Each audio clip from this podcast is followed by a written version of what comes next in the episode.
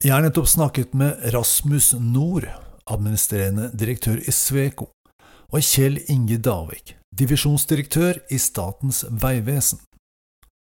Som toppleder blir man målt på resultater, men suksessen ligger i å forstå hvordan man kan forsterke samspillet mellom menneskene, slik at de skaper disse resultatene. Lagkultur blir ofte fremhevet som en viktig faktor bak sportslige prestasjoner, men det er like viktig i næringslivet. Vi trenger å føle at vi er viktige mennesker i et fellesskap som betyr mye for oss. Hjernen vår prioriterer negativ informasjon, og i nedgangstider kan noen bli så redde for framtiden at de ikke tør satse, eller at man sparer seg til fant, slik at man ikke er klar til å ta veksten og kundene når trenden snur. I min rolle som rådgiver har jeg hjulpet mange ledere med å få et realistisk forhold til begrensningene som krisen setter, og holde fokus på mulighetene. Det handler ofte om å samle folk rundt leirbålet, kjenne på magien i fellesskapet og energien vi får når vi jobber sammen mot felles mål. Med denne bakgrunnen var jeg spesielt nysgjerrig på hvilke erfaringer og refleksjoner Rasmus Nord og Kjell Inge Davik gjør seg i disse urolige tider.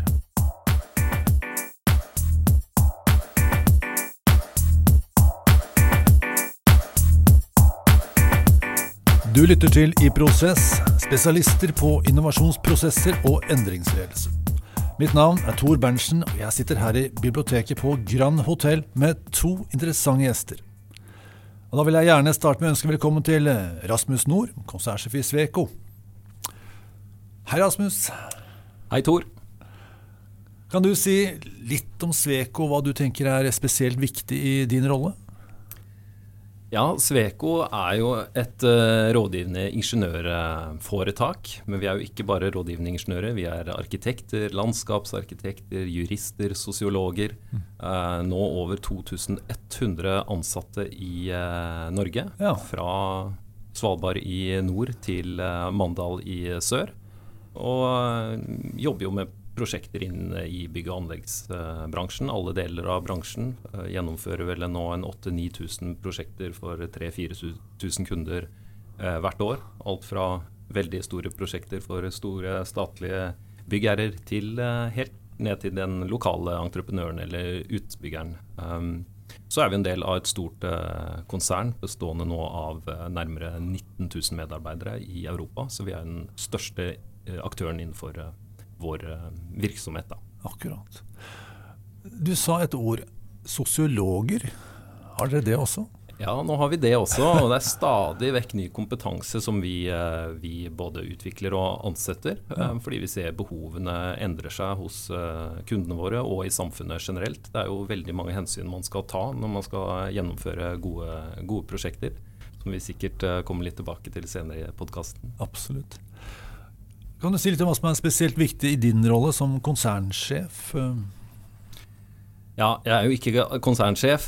Hun sitter i Sverige. Eh, jeg er administrerende direktør for den norske virksomheten, bare for å være helt eh, presis ja, på det.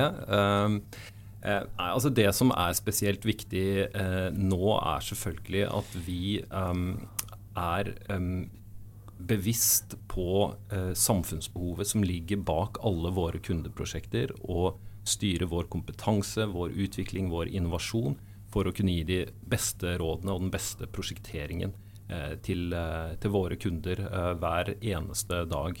Eh, og Vi er jo en eh, autonom og desentralisert organisasjon. Vi er utrolig opptatt av å være tett på de lokale markedene, tett på kundene. Det er der det, er der det skjer i prosjektene. Eh, og, og, bruke den utviklingen, den erfaringen, som vi gjør hver eneste dag, til å, å utvikle oss som virksomhet ja. uh, framover. Fordi um, verden endrer seg veldig raskt, uh, men noen ting er alltid viktige, og det er godt samspill med kundene og god prosjektgjennomføring. Da vil jeg gjerne ønske velkommen til vår andre gjest, Kjell Inge Davik, divisjonsdirektør i Statens vegvesen. Velkommen. Tusen takk. Kan du si litt om Statens vegvesen og hva du mener er spesielt viktig i din rolle? Statens vegvesen er jo en veldig um, bedrift med veldig lang historie. Vi snakker jo egentlig helt tilbake til 1864. Uh, og så kan man jo tenke seg at det henger litt ved, men jeg opplever jo at eh, Statens vegvesen er en veldig moderne bedrift. Vi har et veldig bredt spekter av ansvar uh, for samfunnet. Helt fra dette med uh, trafikksikkerhet til eh, bygging av vei, som jeg driver med og er ansvarlig for.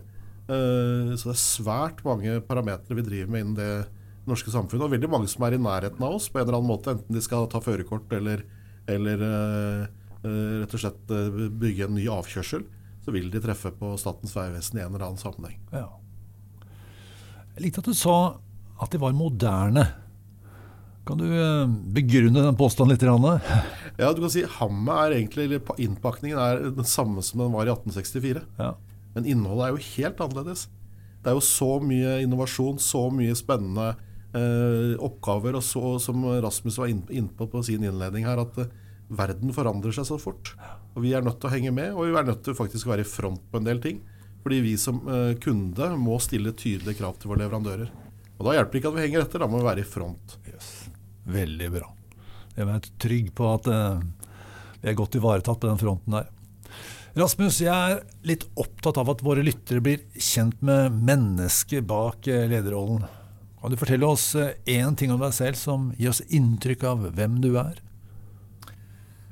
Ja, si det. Uh, nei, I tillegg til å bruke veldig mye tid på, på, jobben min, åpenbart, og familien først og fremst, så er jeg jo uh, over gjennomsnittlig glad i musikk og spiller mye musikk. Og har jo drevet uh, med musikk på fulltid tidligere, så det, det, er en viktig del i mitt, mitt liv, da. Ja. Musikk er gøy. Hva, hva spilte du for noe? Eller hva spiller du? Det er ikke helt borte ennå. I likhet med deg, Tor, så er jeg en gammel eh, bassist. Men uh, hjemme nå så er det nok mest gitar og piano og litt trommer, faktisk. ok, Bass, gitar, piano og trommer. Dette er allsidig. Veldig bra. Kjell Inge, jeg er opptatt av litt å bli kjent med deg også. Kan du si én ting om deg selv som gir oss et inntrykk av hvem du er? Ja, veldig vanskelig med én ting, da. Jeg håper jeg er mer mangslungen enn som så. Men uh, jeg er jo en sånn uh, farende fant og har egentlig alltid vært veldig glad i Norge. Uh, som er arbeidsplassen jeg har ansvar for, da, hele landet. Og, det å se Norge og det å se den naturen, det å virkelig få oppleve hvor flott land vi bor i, det er et viktig perspektiv i de dagene vi er inne i nå. Så er jeg som dere også veldig glad i musikk. Hører veldig mye på musikk. Har en musikalsk familie og bakgrunn. med en far som bl.a. var i NRK mye i Barnetimen. Uh, og så er jeg også ekstremt glad i sport. Uh, har spilt fotball selv aktivt i en av de beste klubbene i Norge som heter Porsch, i, fra Porsgrunn. Uh, og følger selvfølgelig nøye med både på norsk fotball, men også engelsk. Jeg er litt anglofil også, skjønner du. Oh, ja. Så jeg er veldig glad i engelsk historie. Jeg har bodd i England noen år. Så det å høre på podkaster om engelske kongerekken, som høres helt vilt ut, det syns jeg er gøy. Fantastisk. Jeg får inntrykk av at du har mange høytidsdager i løpet av et år. Det er enhver dag er en høytidsdag.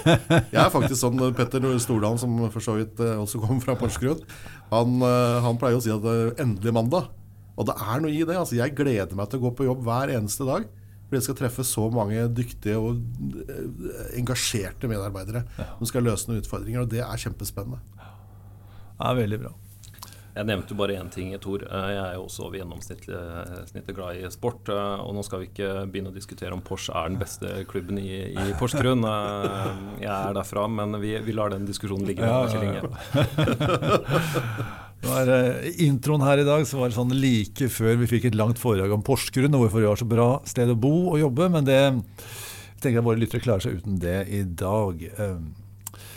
Tilbake til temaet. Jeg har lyst til å starte med et historisk perspektiv på ledelse, for å liksom hjelpe oss til å gå over fra Porsgrunn og over til eh, dagens eh, samtale. Eh, hvis vi går tilbake i historien og starter med Jeger- og Sankersamfunnet, som er veldig lenge siden, så har jeg lest at eh, Ikke erfart, men lest at i den tiden så var eh, samfunnet veldig individualistisk, og det var veldig flat ledelsesstruktur. Epoken etterpå, som var eh, lenge, lenge etterpå, så kommer jordbrukssamfunnet. Da ble samfunnet mer hierarkisk og mer instruksjon i lederstilen. Så kommer industrisamfunnet. Jeg antar at det ble mer eh, hierarkisk da også. Og kanskje enda mer si, tydelig ledelse, mer instruksjon, at det tilspisset seg litt. Og vår tid kalles ofte informasjonssamfunnet, koblet gjerne med kunnskapssamfunnet. Har i mitt hode begynt å skille de to, for jeg har tenkt at eh, ja, med Internett og all i og for seg produksjon av informasjon før det, så, så var tilgangen på informasjon det var som en kritisk faktor. Hadde du informasjon, så hadde du, eh, hadde du noe som ikke alle andre hadde. Mens i dag så er jo informasjon tilgjengelig for alle. Det er for mye informasjon. Behovet i dag er å ha kompetansen til å bruke informasjonen. Så jeg påstår at vi er over i kunnskapssamfunnet. Er det som er det spesielle, egentlig. Men denne utviklingen har gjort samfunnet mer og mer individualistisk, og arbeidslivet har blitt mer spesialisert. Og eh, vi fikk en ekstra bratt stigning i denne utviklingen i forbindelse med pandemien og bruk av hjemmekontor. Da tror jeg graden av autonomi, altså behov for selvstyring, ble forsterket med mer enn et par hakk. Med det som bakteppe, kan dere se litt om hva dere tenker eh, kjennetegner eh, god ledelse i dag, eh, Rasmus? Ja, jeg tror du har veldig rett i din oppsummering. Um, og for oss i Sveko som har uh, bare smarte hoder, det er det, det er det, vi lever av. Vi har ingen ja. andre assets uh, for å si det på den måten, enn en kompetanse og smarte hoder. Eh, så, så, er jo selvfølgelig, som jeg nevnte innledningsvis, dette med selvstyre, autonomi, veldig viktig for oss. For vi må bruke den kompetansen eh, der ute der den skjer. Og det handler altså informasjon, som du sier. Det er uendelig mye informasjon, men det som er viktig ledelsesmessig, er jo å få både utvikla den relevante kompetansen, men også bruke den informasjonen til å sette retning og ha god styring. Og dette gjelder jo også innovasjon og teknologi. ikke sant? Alle disse ideene som popper opp ut i vår organisasjon hele tiden, eh, ofte i, eh, i, kundeprosjekter. Hvordan får vi valgt å satse på de riktige tingene ja. og få løftet det opp? Skalerte eh, og, og spredd det ut i eh, organisasjonen. Um, og, og, som jeg også sa innledningsvis, vi har en veldig desentralisert modell. Uh, man blir gitt stort ansvar for stor tillit uh, på alle nivåer i Sveko. Og, og, i likhet med de veldig mange andre bransjer, så var jo egentlig ikke overgangen inn i pandemien så stor. Det gikk jo veldig bra på, på mange måter, fordi uh, medarbeiderne er vant til å styre seg selv i stor, stor grad. og det så vi også på, på, kundesiden, så det gikk jo bedre enn veldig mange frykta. og så har vi gjort mye læringer selvfølgelig av av de årene vi har vært, eh, vært gjennom. Um, og så tror jeg den beskrivelsen du har, det gjelder jo ikke bare kompetansebedrifter som vår. Jeg tror det er generelt mer krav til kompetanse i stort sett alle deler av samfunnet vårt. Så det, det gjenspeiler nok samfunnet um, ja. generelt, da. Hvordan er dette i Statens vegvesen? Er dere også preget av den samme kompetansebehovet, eller? Ja, hele tiden. Og, og si, norsk bygg- og anleggsbransje er jo egentlig ganske uh, lik. Altså, forskjellen fra Statens vegvesen for 50 år siden var at da gikk jo starta folk der, og så slutta de der og gikk av med pensjon og fikk gullklokka. Mm. Det er jo ikke tilfellet i dag. Vi har et mye mer dynamisk arbeidsmarked, og vi ser jo at vi uh, mister jo folk til konsulentbransjen, men vi får de også tilbake igjen. entreprenørbransjen og tilbake igjen. Og vi ser den der sirkelen går gjør at vi som samfunn og som bransje da blir veldig sammen, sammenvevd. Uh, jeg vil bare si helt enig i det Rasmus sier her rundt uh, viktigheten av, um, av, det å måtte se folk. Det er det det dreier seg om som ledere nå. Mye mer enn før, kanskje. Uh, og Hvis man tenker tilbake, jeg det var en veldig spennende innledning i forhold til jakt- og fiskersamfunnet. Fordi da vi starta, jo, individualister, men allikevel, man hadde jo et behov for samhold. Absolutt. Og det ser vi veldig godt nå. Vi så det veldig godt når pandemien begynte å gå mot slutten. Folk hadde sittet på hjemmekontor i ett halvannet år. Kom på kontoret med tårer i øynene. Ja. Rett og slett fordi de savna det samholdet. Savna den der lille femminutteren ved kaffemaskinen og snakke om fotball og musikk eller dans eller hva det nå måtte være. Istedenfor å sitte og se inn i en skjerm og kanskje gå og sette på vaskemaskinen og se familien sin. Det er jo selvfølgelig hyggelig, men kanskje ikke hele tiden. uh, det var, tenkte jeg, det gikk noe sånne, det falt noen tiører ned for meg der. Rett og på at vi som ledere må sikre at vi både kan styre um, desentralt, uh, at vi har folk over hele landet, men samtidig må det gis mulighet for å samles. Ja. Men dette er jo altså Jeg innbiller meg da at um, ettersom arbeidslivet blir mer spesialisert, så blir behovet for samarbeid og samhandling, da, hvis vi sier at samarbeid er individuelt og samhandling er på en måte organisatorisk, eh, så blir det enda større. Men når man er spredt på ulike lokasjoner, og folk leder seg selv. så hva gjør dette da med lederrollen? Vi har jo akkurat samme erfaring som Kjell Inge beskriver. Var, vi trengte ikke å mase på å få folk tilbake til kontorene. De bare ville tilbake til, til, flokken sin. Og alle må ha kolleger rundt seg og et godt arbeidsmiljø for å trives. Det er da man jobber best, det er da man samarbeider best, det er da man eh, lærer av hverandre. Uh, så for oss så handler det veldig mye om å sette, sette opp enkle strukturer for å legge til rette for samarbeid. Eh, for det er jo, En ting er liksom strukturene, men det er jo menneskene som samarbeider. Det er det å sørge for at de finner hverandre til å skape det samarbeidet som gir, eh, gir riktig utvikling.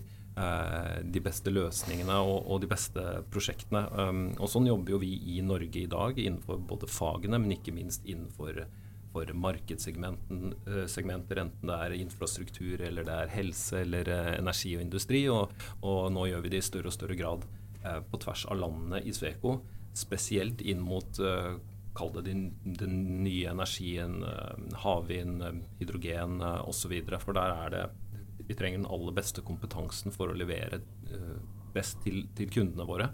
Um, men, men som jeg sier, det blir aldri bedre enn det folka fyller med, med innhold. Um, og det, det, å legge til rette for det samarbeidet og sørge for at det skjer, det er kanskje en av de aller viktigste oppgavene jeg kjenner på hele tiden. For jeg vet at det er der magien ligger i, um, i våre råd. Da. ja. Jeg bare følger opp, for jeg tenker at det som vi tenker veldig fort, vi som er toppledere, vi, vi blir, måles jo på resultater, på økonomi, eh, på hvor mye CO2-reduksjon har vi klart å få til på de forskjellige prosjektene, hvordan ser prognosen ut neste 24 måneder. ikke sant? Det er sånne ting vi blir målt på. Men hvordan skal vi få til det? Jo, det er jo helt avhengig av enkeltmennesket. Da må du klare det som leder å se den linken mellom det resultatet og hvordan du skal få det til. Uh, og For min del er det sånn jeg er veldig opptatt Jeg adopterte en lederfilosofi om det jeg kaller for Seiman. Uh, som er i det hele mennesket. Der hodet kanskje er jobben, der uh, armen din er familien, og der den andre armen er venner, og der det ene beinet er helse, og den andre siste er egentid. Ja. Og den Seiman er ganske finsk konstruert, for volumet er det samme. Men du kan lage det huet veldig stort, slik at du får veldig stor andel av jobben. Men det går utover noe annet. Det går utover vennene dine, utover helsa di, utover egentiden din. ikke sant? Og evne å se men menneskene i organisasjonen tror jeg er knallviktig nå. Fordi vi som ledere har et ansvar for Det må være sånn at hvis du har det dårlig på privatarenaen din, så ikke, ikke kom og si til meg at det ikke preger jobbsituasjonen. Men da er jeg tilbake til idrettsmetaforen min. da. Hva er det jeg savner med å drive idrett og spille fotball på relativt høyt nivå? Vinne cuper, vinne kamper og rykke opp og sånt noe, selvfølgelig. Men det viktigste var garderobekulturen. Ja. Fordi savner den Nå hadde du god garderobekultur, som vi hadde, hadde i Pors, Hadde vi det? Veldig bra. Da var det sånn at hadde du brekt et bein eller hadde strekkskade, så kom du allikevel på trening i garderoben før for å få med deg historiene, for å være en del av laget. Ja. Og det er faktisk det vi som ledere sammen med våre medarbeidere må skape. Vi må skape det miljøet, slik at du vil, faktisk har lyst til å komme tilbake på jobb dagen etter. For det er det eneste, viktigste vi ønsker. Vi har medarbeidere som kommer inn på den dagen, og vi håper at de kommer inn neste dag og trives like godt. Og det å skape trivsel på arbeidsplassen tror jeg er kanskje det grunnleggende for å få et godt resultat. Mm. Jeg tror jeg du treffer jeg kjenner at jeg ble nesten litt rørt av denne talen. der, altså, Du treffer det grunnleggende behovet som vi har eh, sannsynligvis utviklet som jegere og sankere. Vi må være en del av en stamme. ikke sant? Vi må ha tilhørighet til et sted. Og, og når arbeidslivet blir først mer fragmentert Du jobber jo ikke ett sted i hele karrieren lenger. Du jobber kanskje fire-fem år, og så skal du nytt sted. ikke sant? Og så er samfunnet mer individualistisk, eh, og det betyr mindre grad av fellesskap. Det har noen sterke sider, men det har noen svake sider også. Og så får jeg da inntrykk av at det du sier, er at arbeidslivet har et potensial til å skape et virkelig sånn nært, sterkt fellesskap som folk føler seg en del av. Og det dekker det helt grunnleggende kalle stammekulturbehovet, da, eller stammetilhørighetsbehovet. Ja, jeg, jeg tror den fortsatt er der gjennom alle disse um, tidsfasene som du nevnte innledningsvis, så tror jeg de har vært der. Mm. Uh, I industritiden så ble det veldig mye stammekultur kanskje ned på gulvet. Veldig stor distanse til ledere. Ja. Vi som ledere må i mye større grad Det er tettere mellom lagdelene nå. Uh, og det er Kennings ledelsesfilosofi fra 70-tallet om at alle ledere kan styre alt. Har ikke noe å tro på. Jeg er sikker på at både Rasmus og jeg har fingra godt nedi paien når det gjelder faglige utfordringer vi har i våre jobber. Eh, og kan både, både rådgive og være, være, ballvegger. Og Det tror jeg også er viktig framover. For å være med på en del av det laget, så må du av og til være en del av sirkelen. Det er ikke noe tvil om hvem som er kaptein. Nei. Når det kommer til stykket og skal tas beslutninger, så er det ikke noe tvil om det. Og det er det jeg ser som kanskje mest spennende framover. For nå kommer altså generasjon Z inn. Jeg har tre gutter, og to av de har jo gått uh, er sivilingeniører. Og de har jo en helt annen ballast enn jeg hadde når jeg gikk på skolen. Altså de har jo, For det verste er de helt, uh, helt annen type jobb eller uh, oppgaveløsning. De, jo, de skal jobbe, løse jobben sammen med noen. Mm. Mye mer flerdisiplinerte. Og de har ikke minst et helt annet bærekraftfokus enn det jeg hadde. Ja. Og Det preger oss, og det er den gjengen vi skal få attraktiv inn, enten det er i Sveko eller i Statens vegvesen, og få med på laget. Og da kan du ikke selge gammelt brød, altså. Det er rett og slett det som skjer framover som er interessant. Og så er et tilleggsperspektiv dette med digitalisering som måtte, er et sånt svært begrep på veldig mye av det vi driver med. Uh, for vår del så driver vi veldig mye bygningsmodeller. Og det gjør vi sammen med, med Sveko og andre samarbeidspartnere. Og det er et veldig godt eksempel på at den digitale verden er ikke uh, individuell. For der er det faktisk alle fagdisipliner, alle retninger som skal inn på ett bord for å finne gode løsninger sammen. Og det er faktisk mye bedre enn det var for 20-30 år siden. Liksom du, veiplanleggeren satt der. og så ja, Skal vi ha noe rør her, da? Da skal vi legge noe asfalt? Skal vi bygge noe der? Skal vi ha noe lys? og sånn? Ja, da må vi ta, ta litt sånn suksessivt. Nå sitter alle sammen og jobber med den modellen for å finne at dette her må vi legge sånn fordi veien kommer sånn, osv. osv. Da bygger du egentlig veien to ganger. Du bygger den først digitalt. Ja. Og så sier vi sjekk, det ser bra ut. Siste ICE-møte fint. Da er vi ferdig med den. Eh, nå det, har vi lagt eh, fasene sånn som de skal være. Nå kan vi iverksette.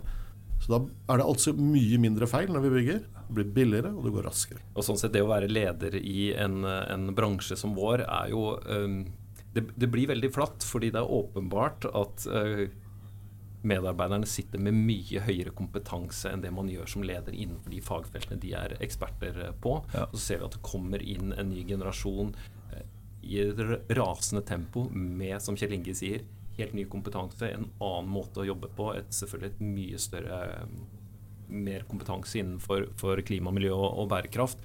Det tror jeg også er tydelig for våre mer erfarne ingeniører, at det kommer inn noen, noen med et nytt blikk og ny kompetanse. og da å jobbe på den måten vi jobber på i dag, sammen eh, for å løse eh, problemstillinger som strekker seg over veldig mange fagområder i flere dimensjoner, eh, det er eh, nøkkelen til suksess for vår eh, mm. bransje, men også samfunnet generelt.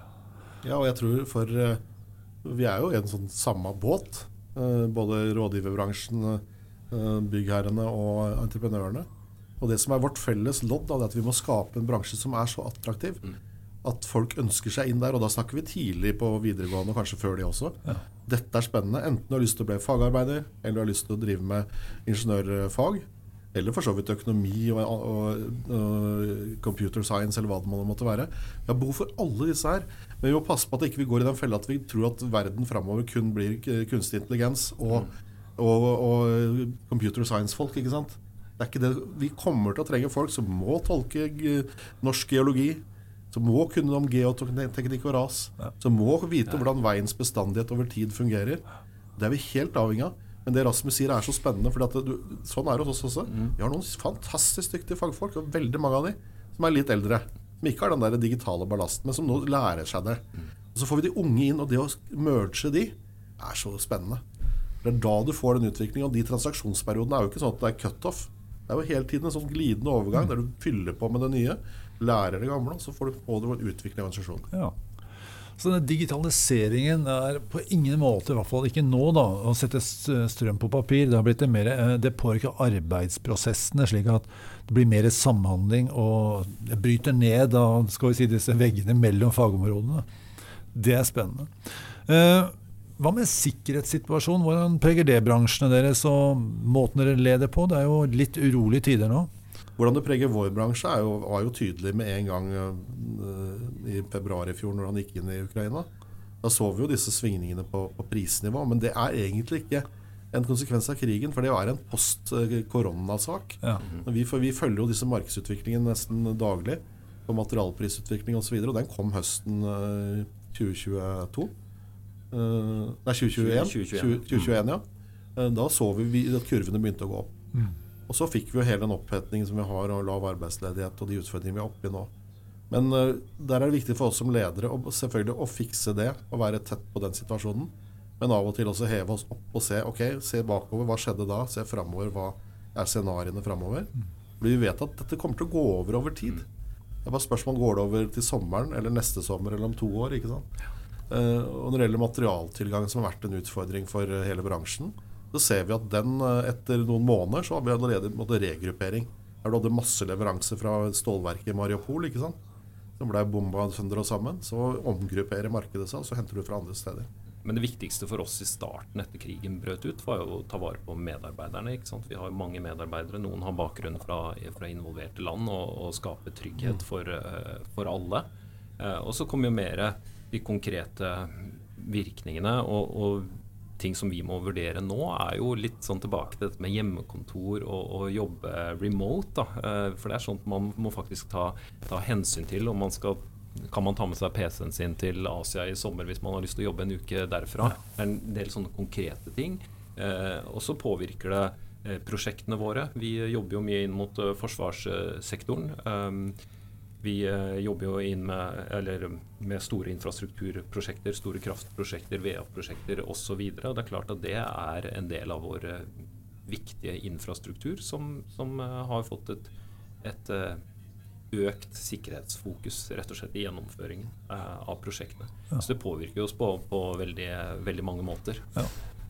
Så da tenker jeg også, også, i forhold til å følge opp på det, for det er ikke noe tvil om at vi av og til fra, Fordi Norden og Skandinavia har ekstremt høy tillit. Hvis vi ser på sånn tillitsbarometer, så er tilliten i Norden i forhold til statlige myndigheter og, og regelverk og alt mulig veldig sterk. Um, så vi kan jo oppleves fra andre som kanskje litt naive innimellom. Uh, og det tror jeg nok, og det har jo regjeringa vært veldig tydelig på nå, tatt ordentlig grep på i forhold til sikkerhetspolitikken. Dersom du sier skal du ha en medarbeider som skal f.eks. reise til Kina og jobbe derfra, eller fra Iran, eller fra Kanskje ikke så aktuelt fra Russland akkurat nå, men du stiller noen ekstra spørsmål nå, og du gjør noen ekstra vurderinger akkurat det. Uh, nettopp fordi kan man tenke seg at uh, noen har lyst til å komme til Norge og på en måte drive noe etterretning her, så, så det blir et helt annet perspektiv. Mm. Og det er klart at det forsvarspolitiske også merker vi veldig tydelig også på infrastruktur.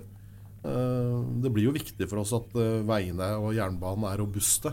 Havnene er robuste, alt mulig annet er robust. Flyplasser, ikke minst. Eh, som er inn mot vår sektor hele veien. Nedgangstidene, da? Er det også noe som treffer deres bransje? Vi merker jo definitivt svingningene nå. Og nå jobber vi jo inn mot både kraft og industri og byggeri og, og infrastruktur, infrastruktur. Og det er klart, akkurat nå så er det jo det private byggemarkedet, der vi merker det aller mest. Det er bare ja. å lese alle overskriftene rundt oss. Det er eh, mye mindre boligbygging nå f.eks. Enn, enn det det har vært de siste, siste årene. Eh, og så eh, kjenner vi jo godt til eh, konsekvensene av statsbudsjettet, bl.a. For, for Statens vegvesen og nye prosjekter, som vi jo selvfølgelig forholder oss til. Mens det er andre deler av av um, de markedene vi jobber inn mot, der det er langt mer skal si, økt aktivitet. F.eks. Kraftproduksjon, eh, kraftoverføring. I industrien så satses det, fortsatt stort. Eh, og vi ser at det er mye planlegging som, som foregår også inn mot samferdselssektoren.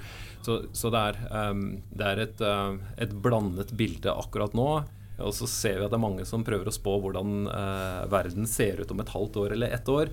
Men egentlig litt færre som prøver å spå det nå, fordi jeg tror de fleste har innsett at vi er så direkte påvirket av det som skjer rundt oss eh, i, i, verden. Én ting er krigen, det er eh, energiutfordringen, det er eh, rammeverket, det er eh, eller rammebetingelser, krav knyttet til, til, klima og miljø, som heldigvis kommer i større og større eh, grad.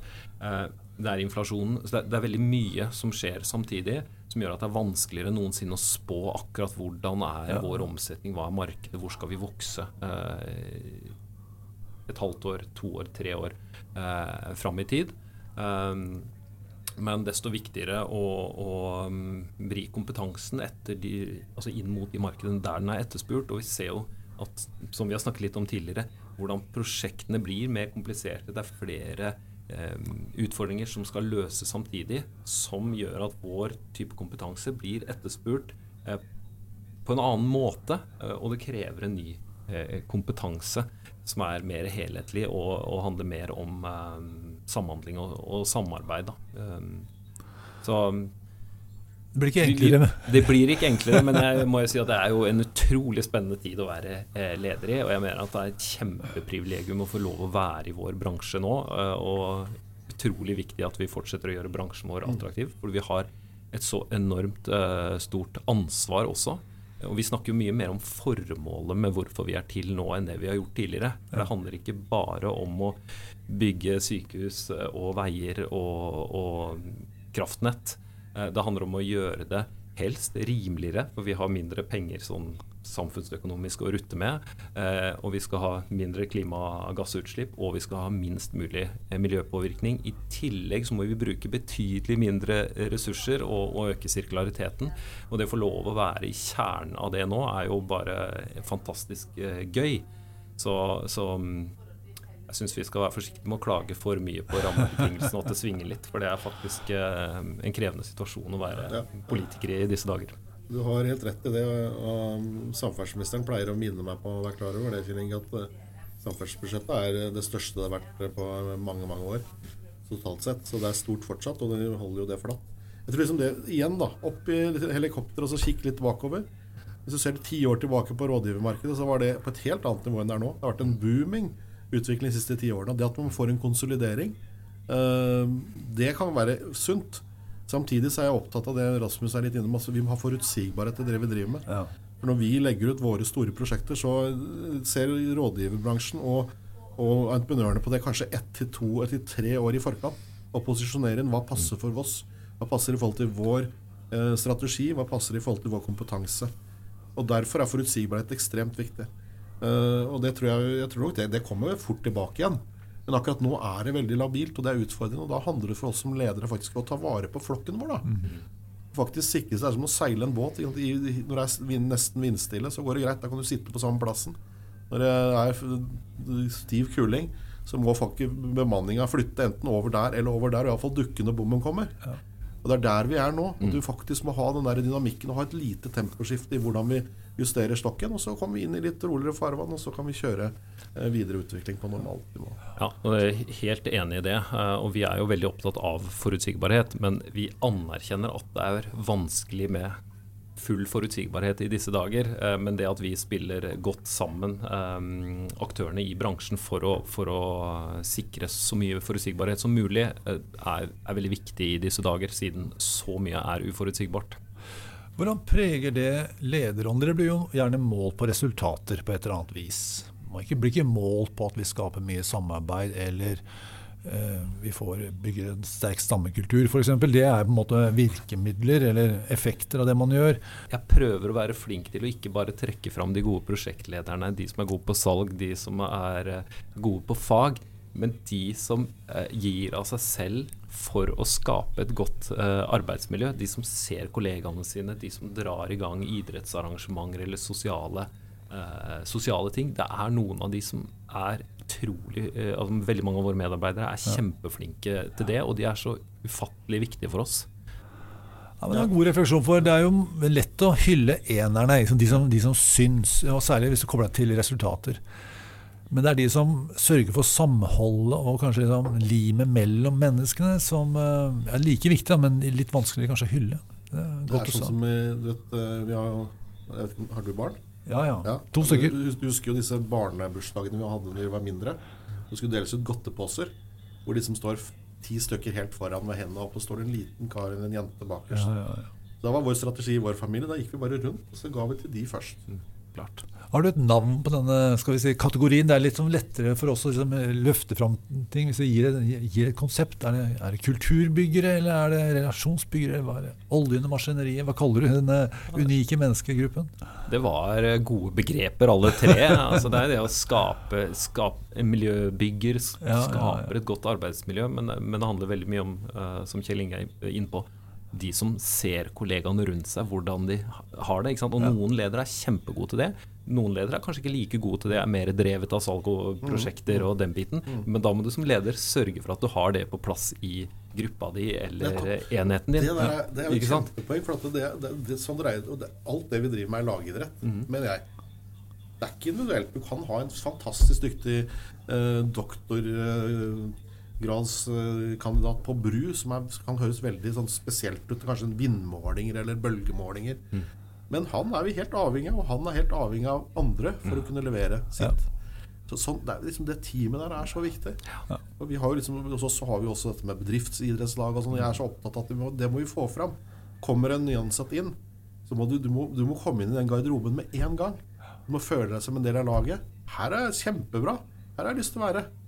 Det er den greia vi må få til. Ja.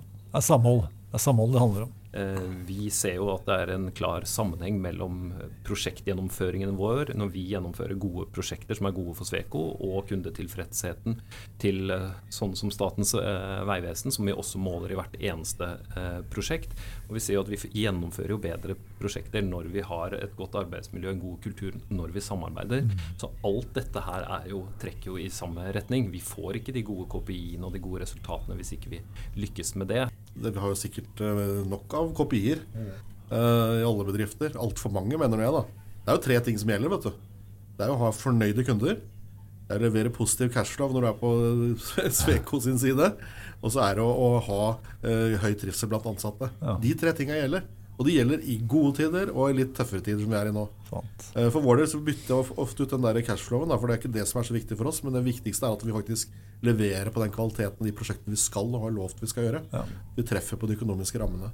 Så De tre tingene er det viktigste. Og i vanskelige tider så er det faktisk ekstremt viktig å samle folk rundt leirballet. Ja. Eh, snakke sammen. Eh, få en forståelse av at den situasjonen vi er oppe i nå, krever litt annerledes enn det var for et halvannet år siden. Eh, vi må gjøre sånn og sånn. Du spurte om uro. Selvfølgelig blir det uro i, i samfunnet. Det blir uro i hele samfunnet når situasjonen er som nå.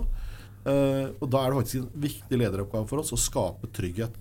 Og Da må du igjen litt opp og se litt framover og si at dit skal vi sånn cirka nå. Ja.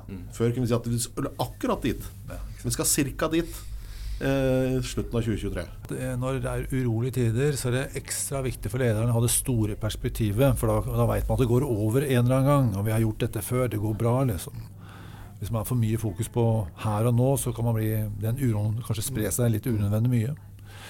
Dette med bærekraft, Du har nevnt en del av det, Rasmus, men eh, si litt om det for Statens vegvesen også. Um, hvordan preger det dere, at dere skal eh, sørge for at alle, alt dere gjør er bærekraftig og miljøvennlig?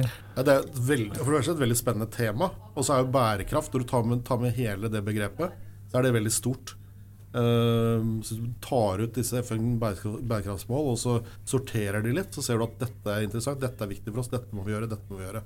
Og sorterer litt. Men klart, innen innen dette med CO2-fotavtrykk, som er veldig viktig for oss.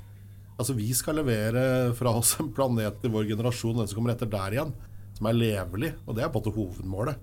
Så får vi masse spørsmål. Ja, men Kjell Inge, India så er det en milliard innbyggere, og det samme er i Kina. Hvis ikke, hva gjør hjelper om oss fem millioner, da? Jo, det er kjempeviktig å feie for egen dør.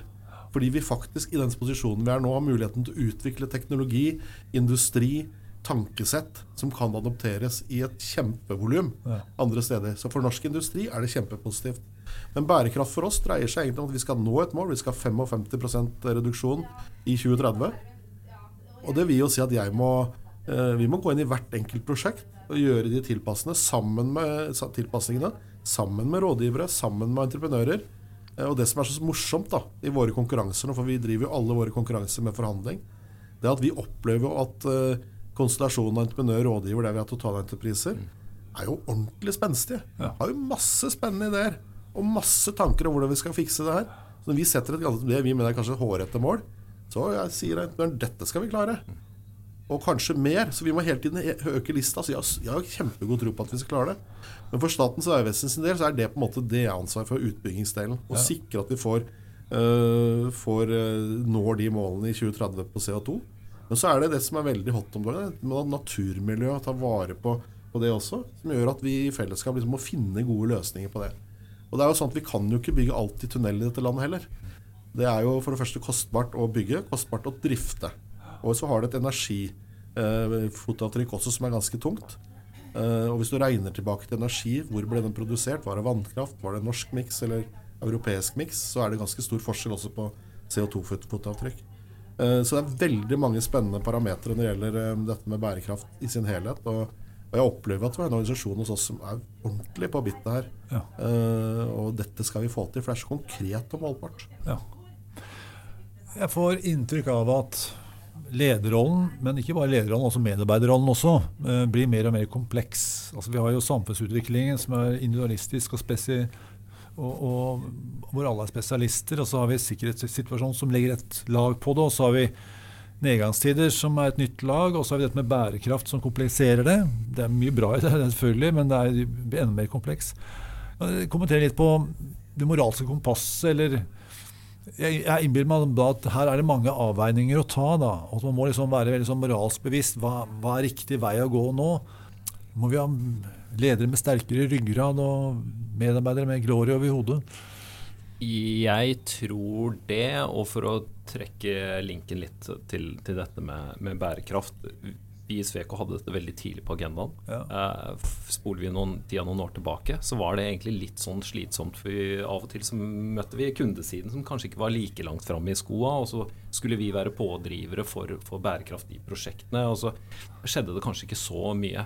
De siste to-tre årene så er dette ikke snudd på hodet, men nå er det en helt annen eh, verden. Det er genuint engasjement hos medarbeidere, hos kunder, hos entreprenørene. Eh, nå kommer kravene, nå skjer det faktisk. Og, og, vi leverer jo tjenester inn mot alle de eh, sektorene som står for store klimagassutslipp. Og vi jobber jo med alle typer prosjekter der også miljøet eh, og, og, naturbiten må ivaretas. Og vi leverte jo nylig en eh, rapport som handler om, vi, handler om hvordan vi tar vare på myrene i forbindelse med veiutbygging f.eks. Og jobber med teknologi for å løse disse, disse komplekse, flerfaglige eh, problemstillingene.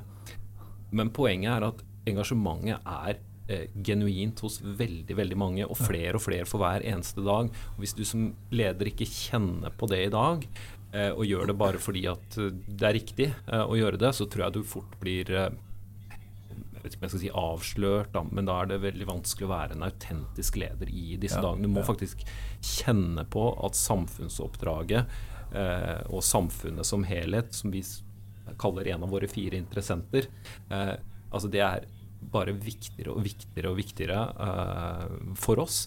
Eh, og det må være det. For hvis ikke det er det, og gjennomsyrer hele organisasjonen, så er vi ikke relevante da, om, om, få år. Ja. Så, så, om det er et moralsk kompass, det vet jeg ikke. Men, jeg, men jeg, man må faktisk genuint være drevet av disse dag, i disse dager. Det tror jeg er, er viktig. Ja. Mm. Ja, nei, Jeg er helt enig. og Du kan si, kalle det moralsk kompass. Eller noe. du kan jo ta det helt ned og si at jeg, jeg bor jo i Porsgrunn og så jobber i Bergen. Sikkert vært fint å sykle fram og tilbake, eller gå. Det er liksom ikke mulig. Nei. Så hvor langt skal du strekke det med? Jeg tror dette her, det dreier seg om at vi som ledere Det, det har jeg alltid sagt, enten jeg har jo sittet på mange sider av bordet som leder, på entreprenørsiden og på byggherresiden. Eh, du må alltid være deg sjøl. Mm. For ellers er det som Rasmus sier, da blir du avslørt hvis du prøver å påta deg noe annet enn det du er. Og Du må både vise det med hele kroppen at dette engasjerer meg, dette skal vi få til. Også innen dette området her. Det er ikke noe slingringsmonn der. Du må, du må, bare gønne på. Ja. Eh, rett og slett.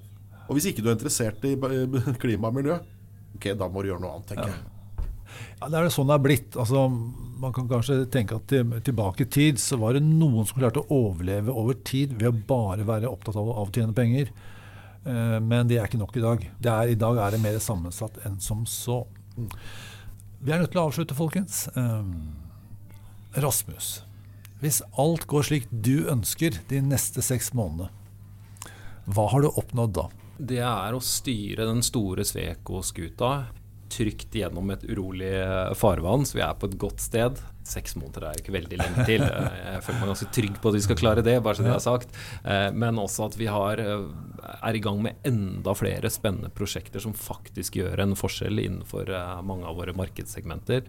Og implementert enda mer teknologi i prosjektene våre som gjør at vi er enda mer relevante. Og, og ikke minst at um, medarbeiderne våre forteller at de fortsatt trives fantastisk i, i Sveko. Jeg skjønner. Det er full fart fremover, med andre ord. Det er full fart fremover. Kjell Inge? Det er vanskelig å toppe den der, Rasmus. da. For det blir mye av det samme, selvfølgelig. Altså, det, det må vi jo passe på flokken. Det er viktig nå de nærmeste seks-tolv måneder. Uh, rett og slett å sikre at det gode arbeidsmiljøet fortsetter. Så er jeg jo bunn og grunn så er jeg jo konkurransemenneske.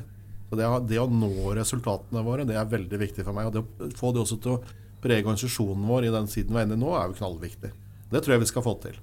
Uh, men så tenkte jeg skulle si noe helt sånn til slutt på akkurat hva det viktigste er for meg. da ja, gjør det. Nå, det er jo Ledelse kan egentlig dele opp i tre.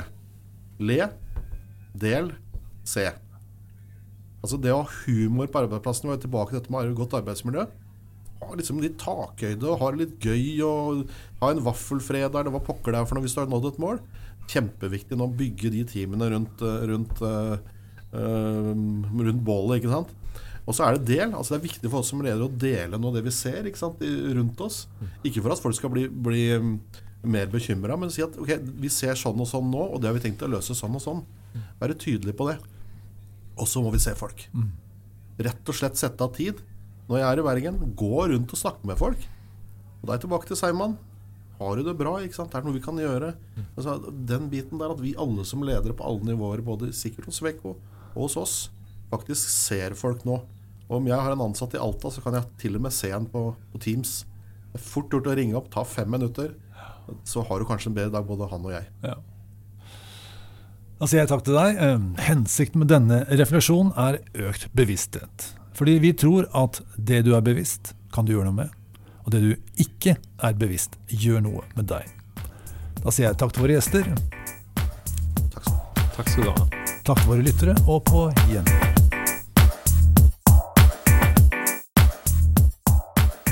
Hei, det er Tor Berntsen her. Jeg vil gjerne ha din oppmerksomhet litt til. Jeg har nemlig noe du trenger. Som du vet, jobber vi med lederutvikling. Og tradisjonelt har det vært å utvikle ledergrupper eller gjennomføre lederprogram på konferansehotell. Gjerne kombinert med coaching på ditt eller mitt kontor. Det gjør vi fortsatt. Men nå har vi også online lederprogram, som gjør at du kan utvikle deg selv og dine ledere uten en ekstern konsulent, eller med bare litt støtte. Hva betyr det for deg som leder? Jo, to ting. Du kan utvikle mange mennesker samtidig, og prosesser som tidligere ville tatt mange år, kan gjennomføres i løpet av uker og måneder. Det andre er kostnadsbildet. Det kan reduseres med 90% eller du kan få ti ganger så stor gjennomslagskraft til samme pris. Mulighetene er mange. Gå til iprosess.no, eller enda bedre, ta kontakt på post at iprosess.no. Så kan vi avtale en prat om hva som passer for deg og din virksomhet. Vi snakkes.